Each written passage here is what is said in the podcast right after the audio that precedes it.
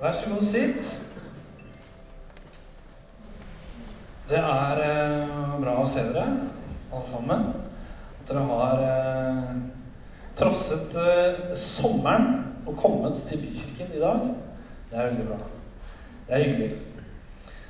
Så eh, jeg skal jo da, som det er annonsert her, snakke om ydmykhetens gave. Eh, og det er jo fordi at jeg har jo da den gaven. Og så skal jeg bare dele den ut til alle dere. Det er sånn det fungerer.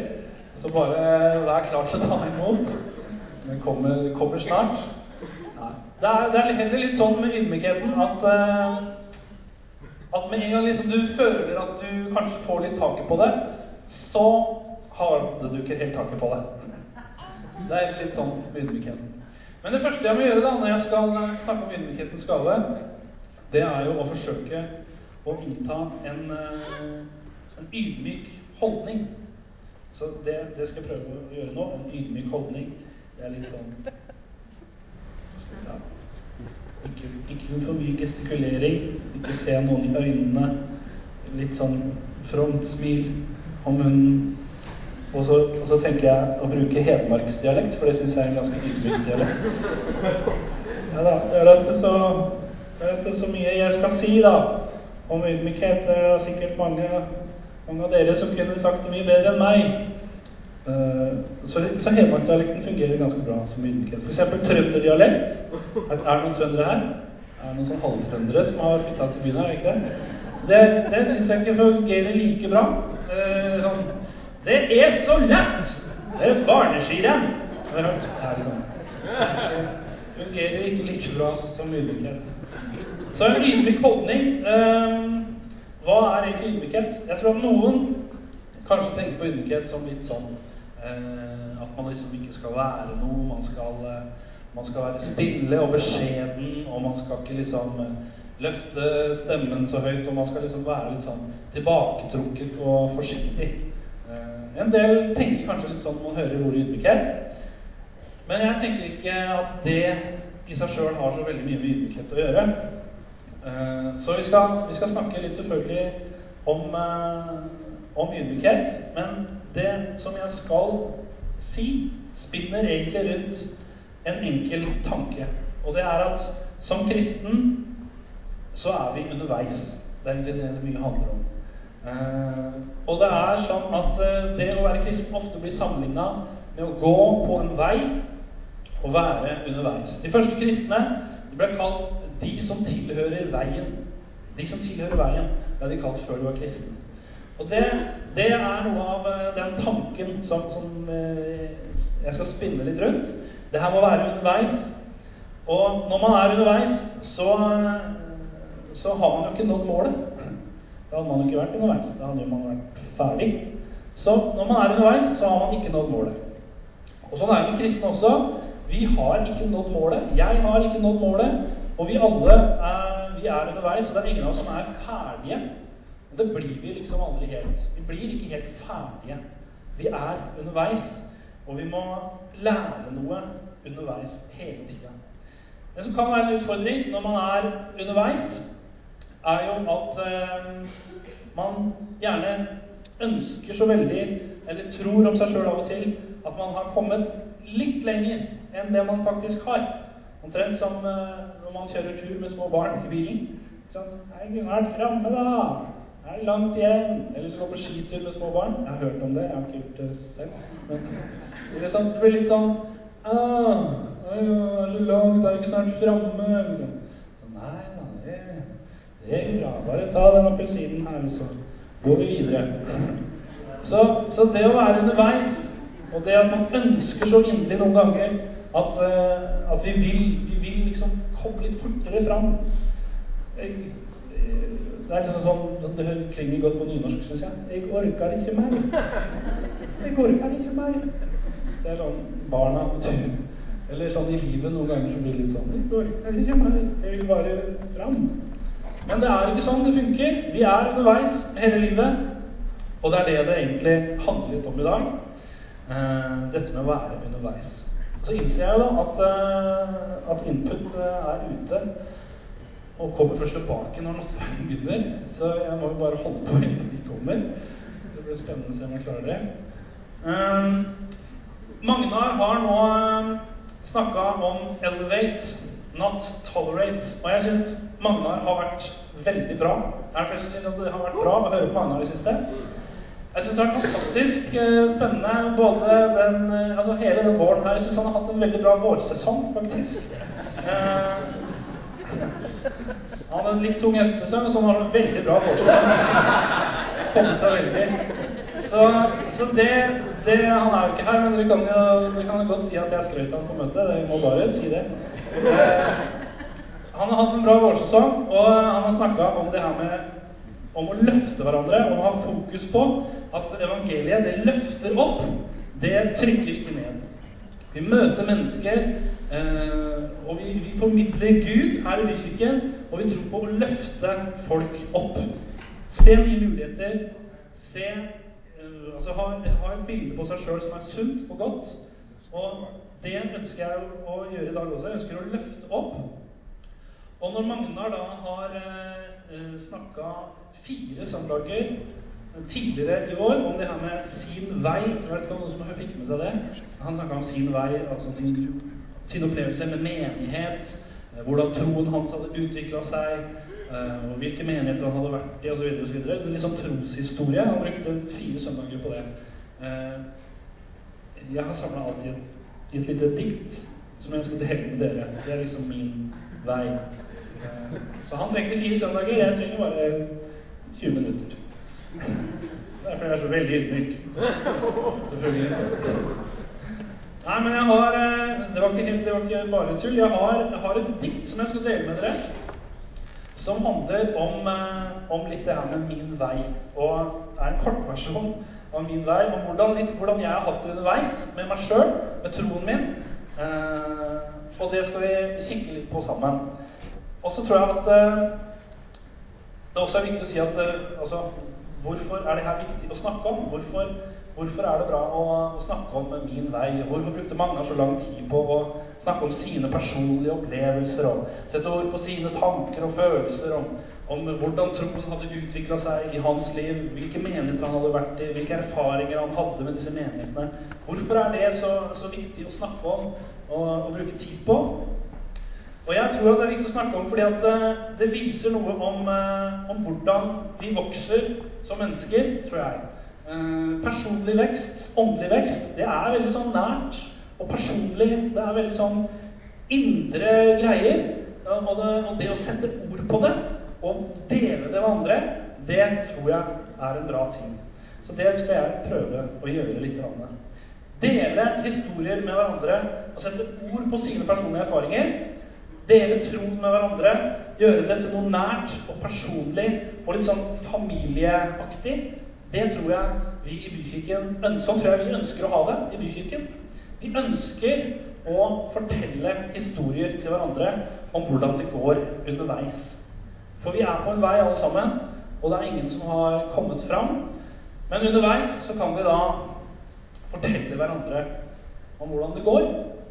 Og jeg tror at Hvis vi ikke har den eh, dimensjonen der med å, med å være litt sånn, litt sånn, nær, litt personlig ok, Vi kan ikke, vi kan ikke være bestevenner med alle og ha alle hjemme på besøk samtidig og sånn. Det går kanskje ikke. Men jeg tror vi må ha noe det der nære, personlige, familieaktige. Og jeg syns det er det jeg ser i fellesskapet mellom Jesus og disiplene. Og jeg syns det er det jeg ser når jeg leser også om den første menigheten i Apostlenes gjerninger. Det var en nerve der, det var noe varmt der, det var noe godt der. Og det var noe av det her nære og personlige. Tenk deg Jesus og disiplene som gikk sammen i tre år. Det er klart De så hverandre på godt og vondt. De så liksom sannheten om hverandre ganske tydelig. Og du leser om den første menigheten også, hvor de i perioder ikke hele tiden, i perioder de bodde sammen, mange av dem. Det er klart at de kom veldig nært innpå hverandre. Og levde veldig tett med troen sin og med livet sitt. Så det gikk an liksom å se hva som var sant om den andre.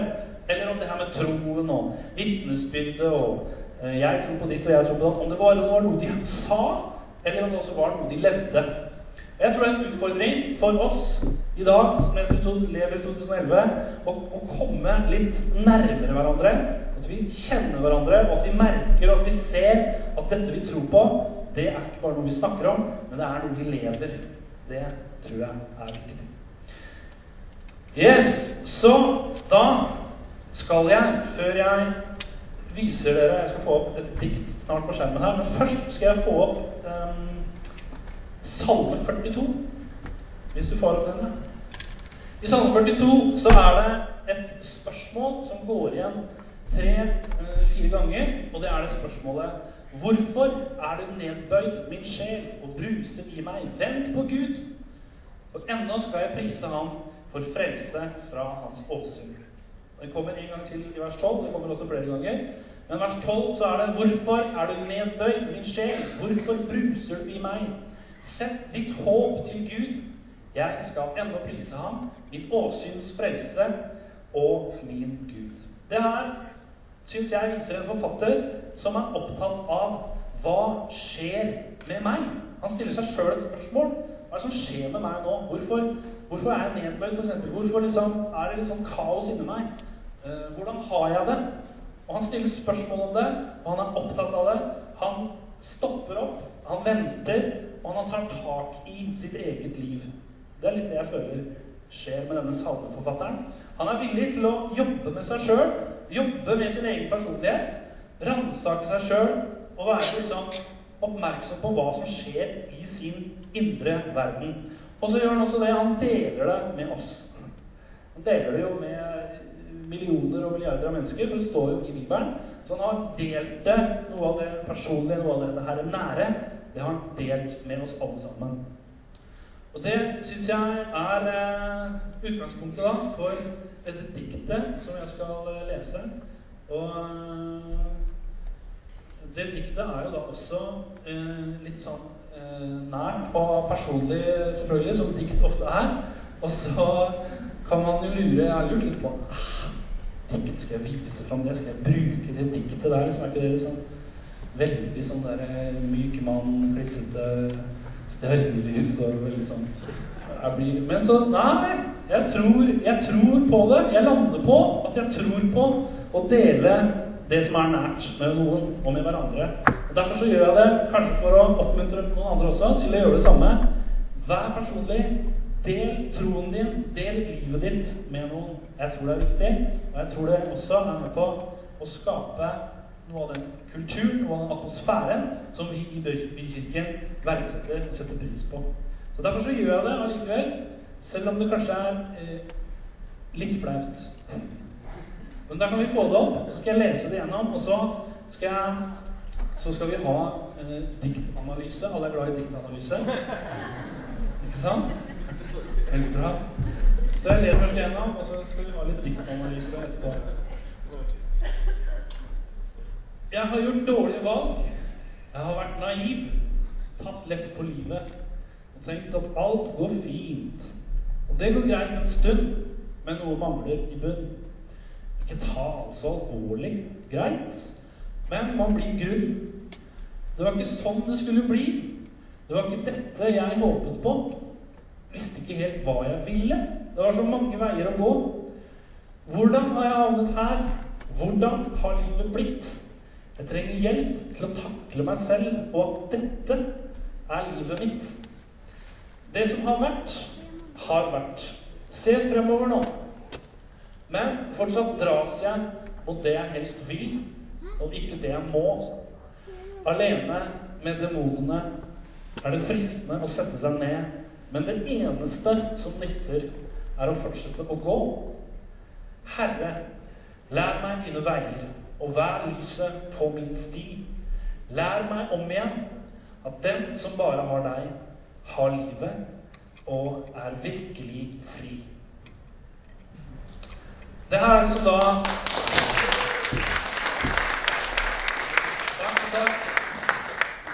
Det her er liksom da en slags kortversjon av av liksom, liksom oppsummering, forsøk på en oppsummering og en kortversjon av liksom litt min troshistorie, litt min vei fram til der jeg er i dag. Jeg er snart 40 år, så det er sikkert litt sånn der eh, begynne å skrive dikt og sånn. Det er sånn 40-årskrise. Men greit, jeg tar det med allikevel, altså. Uh, og det er liksom kortversjon av, uh, av på en måte litt min vei, da. Hvis du ser på de Nå begynner analysen, så, så jeg også vil uh, notere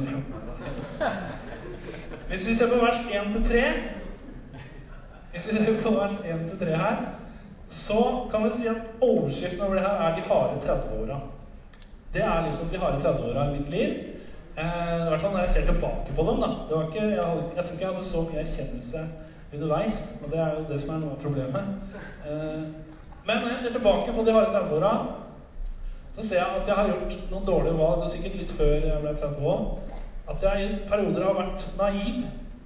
At jeg i perioder har tatt lett på livet, osv. Og, og det jeg ser på, er at det er, så, det er jo så mye som man kunne gjort annerledes. Det er så mye i livet som man kunne, man kunne valgt annerledes. Man kunne gjort ting annerledes. Og hvis jeg først begynner å tenke på det, så er det sånn Oi, oi, oi. Det er jobben meg sant, ja. Det er masse man kunne gjort annerledes. Og jeg tror at jeg eh, i perioder var både overfladisk og litt sånn arrogant ung kristen mann. Eh, fordi at jeg hadde jo funnet så mange enkle og gode svar på livets vanskelige spørsmål. Eh, jeg hadde så mye åpenbaring om hva jeg trodde var riktig og sant. Og jeg så så tydelig veien liksom for uh, livet og det som var rett og riktig osv. Men så er det noe med at den åpenbaringen og den, den, det som jeg syntes var så bra, det som jeg trodde var så riktig, den møter liksom etter hvert livet ditt. Den møter da etter hvert det som skjer underveis. Den møter alle de kjipe tinga som skjer. Den åpenbaringen, det gode som du tror på, den møter liksom mye motstand.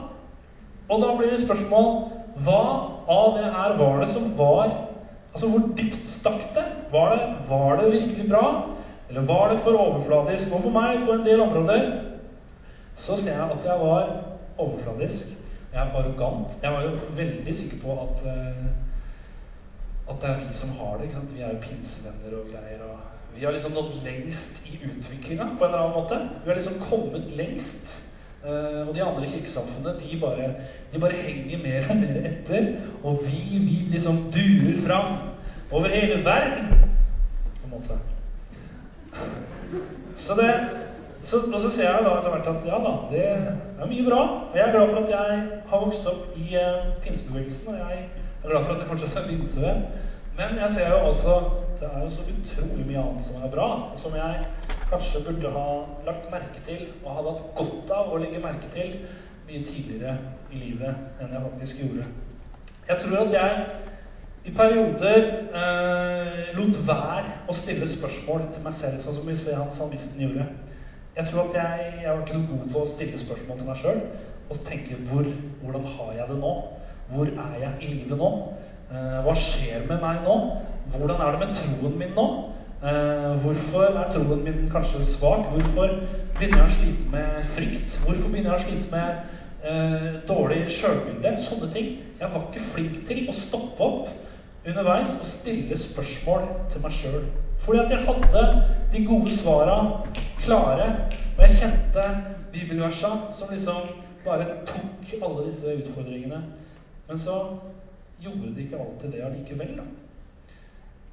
Det kom til et punkt hvor jeg syntes jeg hadde bomma på veldig mye. Uh, og jeg husker jeg, hadde en sånn engelsk setning som jeg brukte å fleipe med litt av og til, og det var sånn Life is hard, and then you die.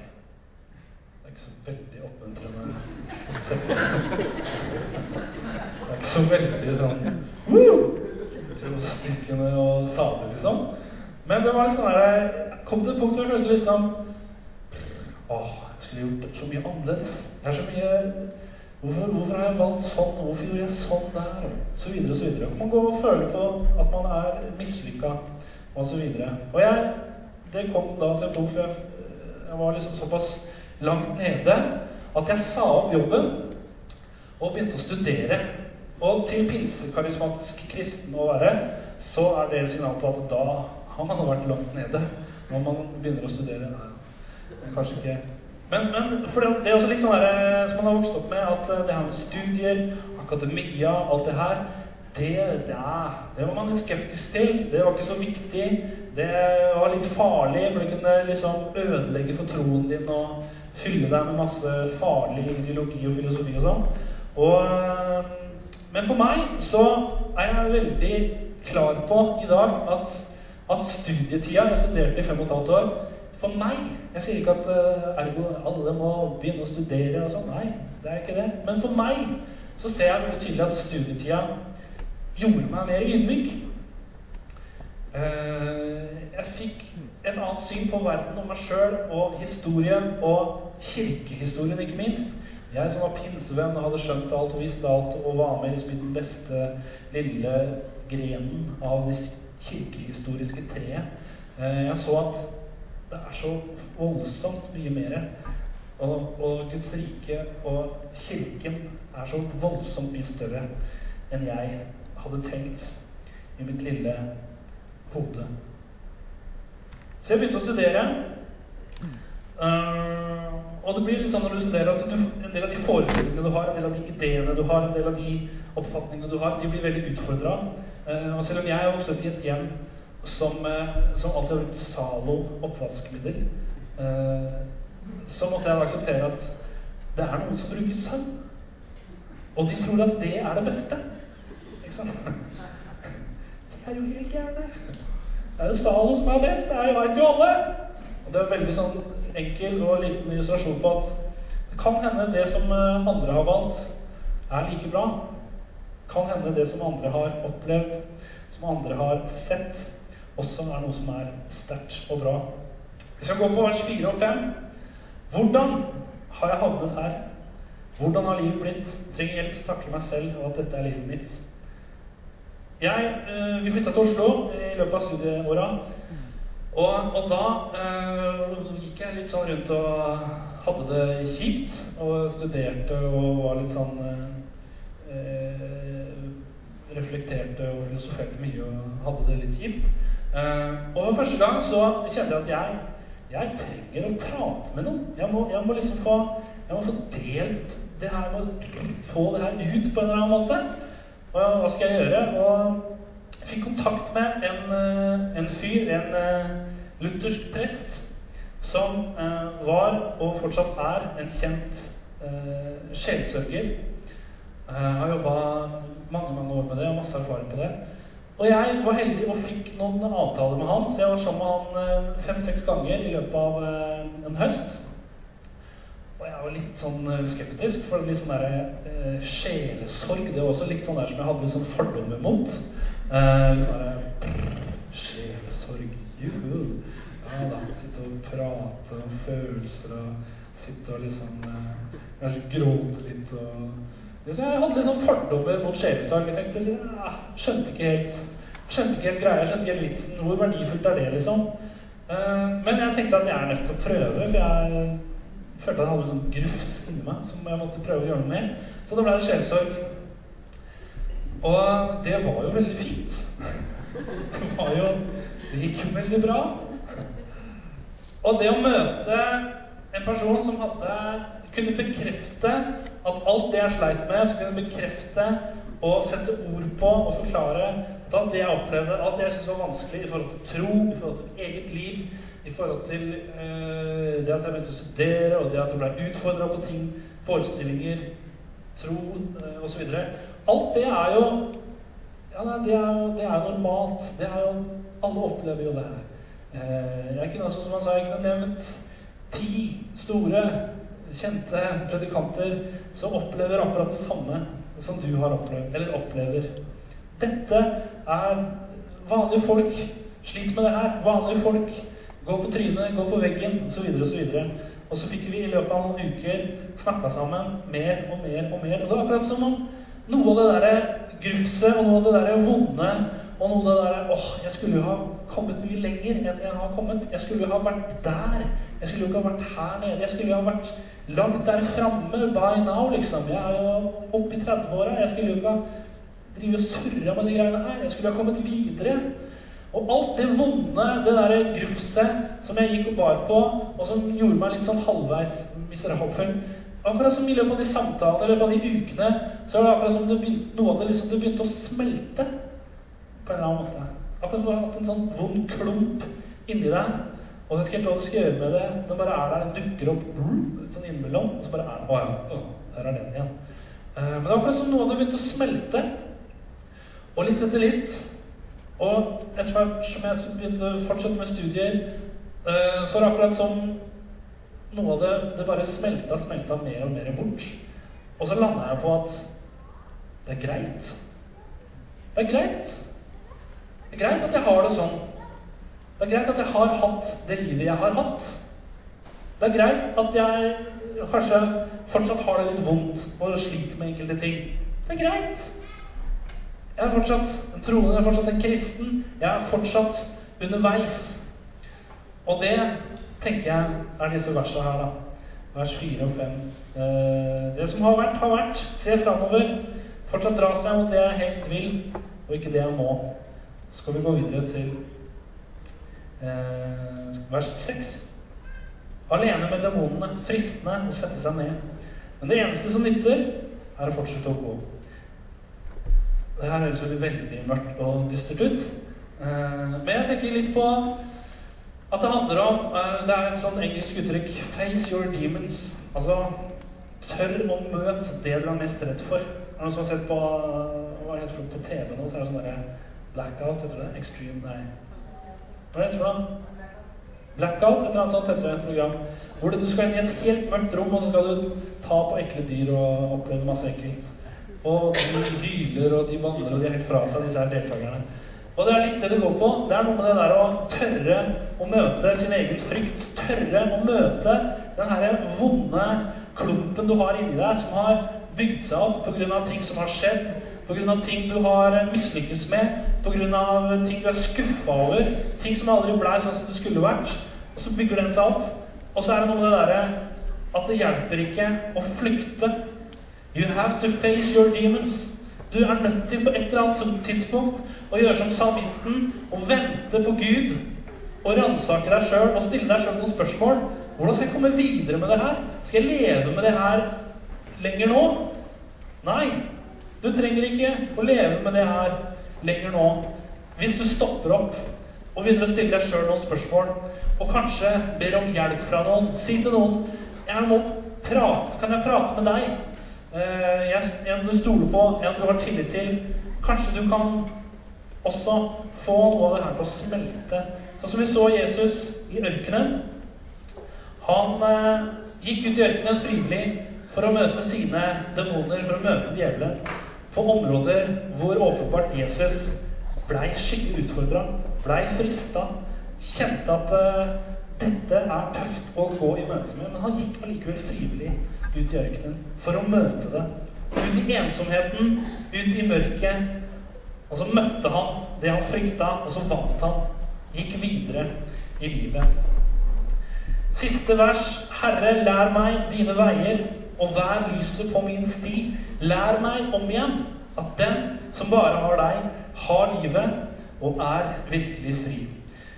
Ydmykhetens gave for meg så dreier det seg om at jeg er underveis, og at jeg kommer til å fortsette med å være underveis. Det dreier seg om at jeg trenger å lære å kjenne Gud på alle mine veier. Jeg trenger å bli satt fri fra å skulle klare meg selv. Jeg trenger å vokse i erkjennelsen at jeg avhengig av andre, og jeg er avhengig av Gud. Jeg trenger å lære mer om at jeg trenger å være i forandring, og lære nye ting om meg sjøl om hvordan jeg er, om hvordan jeg er overfor andre, hvordan jeg blir oppfatta overfor andre. Hvorfor reagerer folk sånn som de gjør overfor meg? Det trenger jeg også lære mer om. Jeg trenger å lære mer om å bli ærlig med hensyn til hvor jeg er, og til å tørre å stille meg sjøl noen spørsmål. Og jeg trenger å lære meg at det ikke hjelper å flykte fra sannheten om meg selv, fra min frykt, fra mine svakheter og uvaner, men at jeg må lære av Jesus som gikk frivillig inn i ørkenene, ørkenen og møtte sine demoner. Jeg trenger å ta de kampene innimellom. Og gjennom Guds nåde og Guds kraft erfare at alt er mulig når man setter sitt håp til Gud. Amen. Trær. Det er bilder av trær her. Hvorfor er det bilder av trær? ydmykhet på engelsk så er det 'humility'. Og en av eh, måtene å oversette det på er jordnær. Humus. Latin for jord. Humility. Å være jordnær. Et tre, det er veldig jordnært. Det er liksom avhengig av å være jordnært for å overleve. Et tre strekker seg mot sola, strekker seg mot himmelen, men ønsker ikke å komme vekk fra jorda. Ønsker ikke å liksom røske løs røttene sine og fly opp til himmelen. Nei, et tre ønsker å være godt planta i jorda. Og et tre blir heller aldri ferdig. Med en gang man sier om et tre at et tre er ferdig, så sier man egentlig det treet er dødt. Det er i ferd med å dø. Det er ferdig med sitt livsløp. Et tre er perfekt. Sånn som vi ser her. Det er perfekt i alle årstider. Kanskje du syns det er vakrest når det er grønt. Kanskje du syns det er mest vakkert når det er gult, oransje, eller på våren, eller på vinteren. Men det er perfekt hele tida. Alle årstider så er treet perfekt. Og det er sånn med livet vårt òg. Det er ikke alltid det ser så vakkert ut. Det er ikke alltid det er så mye frukt. Det er ikke alltid det er så mye synlige resultater. Det er ikke alltid det ser liksom så bra ut, men vi er allikevel perfekt så lenge vi er underveis. Det eneste som nytter, er å fortsette å gå. Vi skal avslutte med å lese Salme 1. Skal vi ta opp den?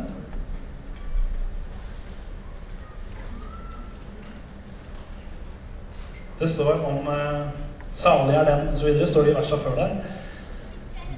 Salig er den som, eh, som eh, Nå husker jeg ikke Jeg skulle hatt bibelen. Kan jeg få bibelen rett og slett? Jeg skal lese det verset som står i forkant der. Salme 1, der står det om trær. Salig er den mann som ikke vandrer i ugudelige folks råd, og ikke står på synderes vei, og ikke setter, sitter i spotteres sete, men har sin lyst i Herrens lov og grunner på Hans lov dag og natt. Det her handler egentlig om at salig er den som, som velter seg over på Gud, og ikke velter seg over og stoler på de som ikke har med Gud å gjøre, eller det som ikke har med Gud å gjøre. De som lener hele vekta si over på Gud, de skal bli sånn som det står her. Som det står. Han skal være, eller hun gjerne, lik et tre plantet ved rennende bekker. Det gir sin frukt i sin tid, og dets blad visner ikke. Alt det han gjør, skal han ha lykke til. Amen. Og skal vi gå over i nattverden. Og nattverden er jo, tenker jeg da, en forlengelse av også det her ydmykhetsbudskapet. Den er en erkjennelse av at jeg trenger noe mer enn meg sjøl. Jeg trenger å spise og drikke av Jesus underveis i livet. Jeg klarer meg ikke aleine. Det også er ydmykhet. Og det er også ydmykhet å si sånn som Paulus Alt makter jeg i Han som gjør meg sterk. Men hvis du deler opp den der litt og slutter på Alt makter jeg Det er ikke så veldig ydmykt, kanskje. Men en gang du fortsetter I Han som gjør meg sterk. Det handler altså ikke om ydmykheten. Det er å trekke seg tilbake, være forsiktig, unnskylde seg sjøl, se ned på seg sjøl. Det handler om å kunne si Alt makter jeg i Han som gjør meg sterk. Og det er ydmykhetens gave. Skal vi be, og så kan vi gjøre oss klar til eh, nattverd? Kan vi få opp eh, nattverdsbildet vårt? Far, takk for at du eh, hjelper oss hver dag og er til stede i livet vårt hver dag. Takk for at du er hos barna hver dag, der hvor de er, på skolen, hjemme. Takk for at du er hos oss alle sammen hver dag, der vi er i livet vårt. Om vi er et sted i livet hvor vi opplever høst og resultater og gode frukter, eller om vi er på et sted i livet hvor det er bare vår, det er bare noen små knopper, men det begynner å skje ting, det begynner å bli spennende, det er nye ting på gang. Eller om vi er på vinteren, hvor det tilsynelatende er dødt. Det skjer ikke så mye. Det, det ser ikke så bra ut. Noe som skjer. Alt har liksom stoppa opp. Du veit hvor vi er en far. Du ser oss, du kjenner oss. Du veit hvor jeg er, og du veit hvor vi alle sammen er i livet vårt. Hvilken sesong vi er i. Og far, jeg ber om at nattverdsmåltidet nå, som vi alle sammen skal delta i og feire til minne om deg Jeg ber om at det skal bli en erkjennelse av hvor vi er, hvor jeg er akkurat nå. At vi alle sammen kan komme fram med en erkjennelse at jeg er bra nok akkurat der hvor jeg er i livet. Jeg er perfekt, akkurat som trærne. Uansett hvilken sesong jeg er i, så kan vi komme fram i ydmykhet innenfor deg, far. Fordi vi trenger din kraft og din nåde underveis i livet vårt. Da kan vi reise oss.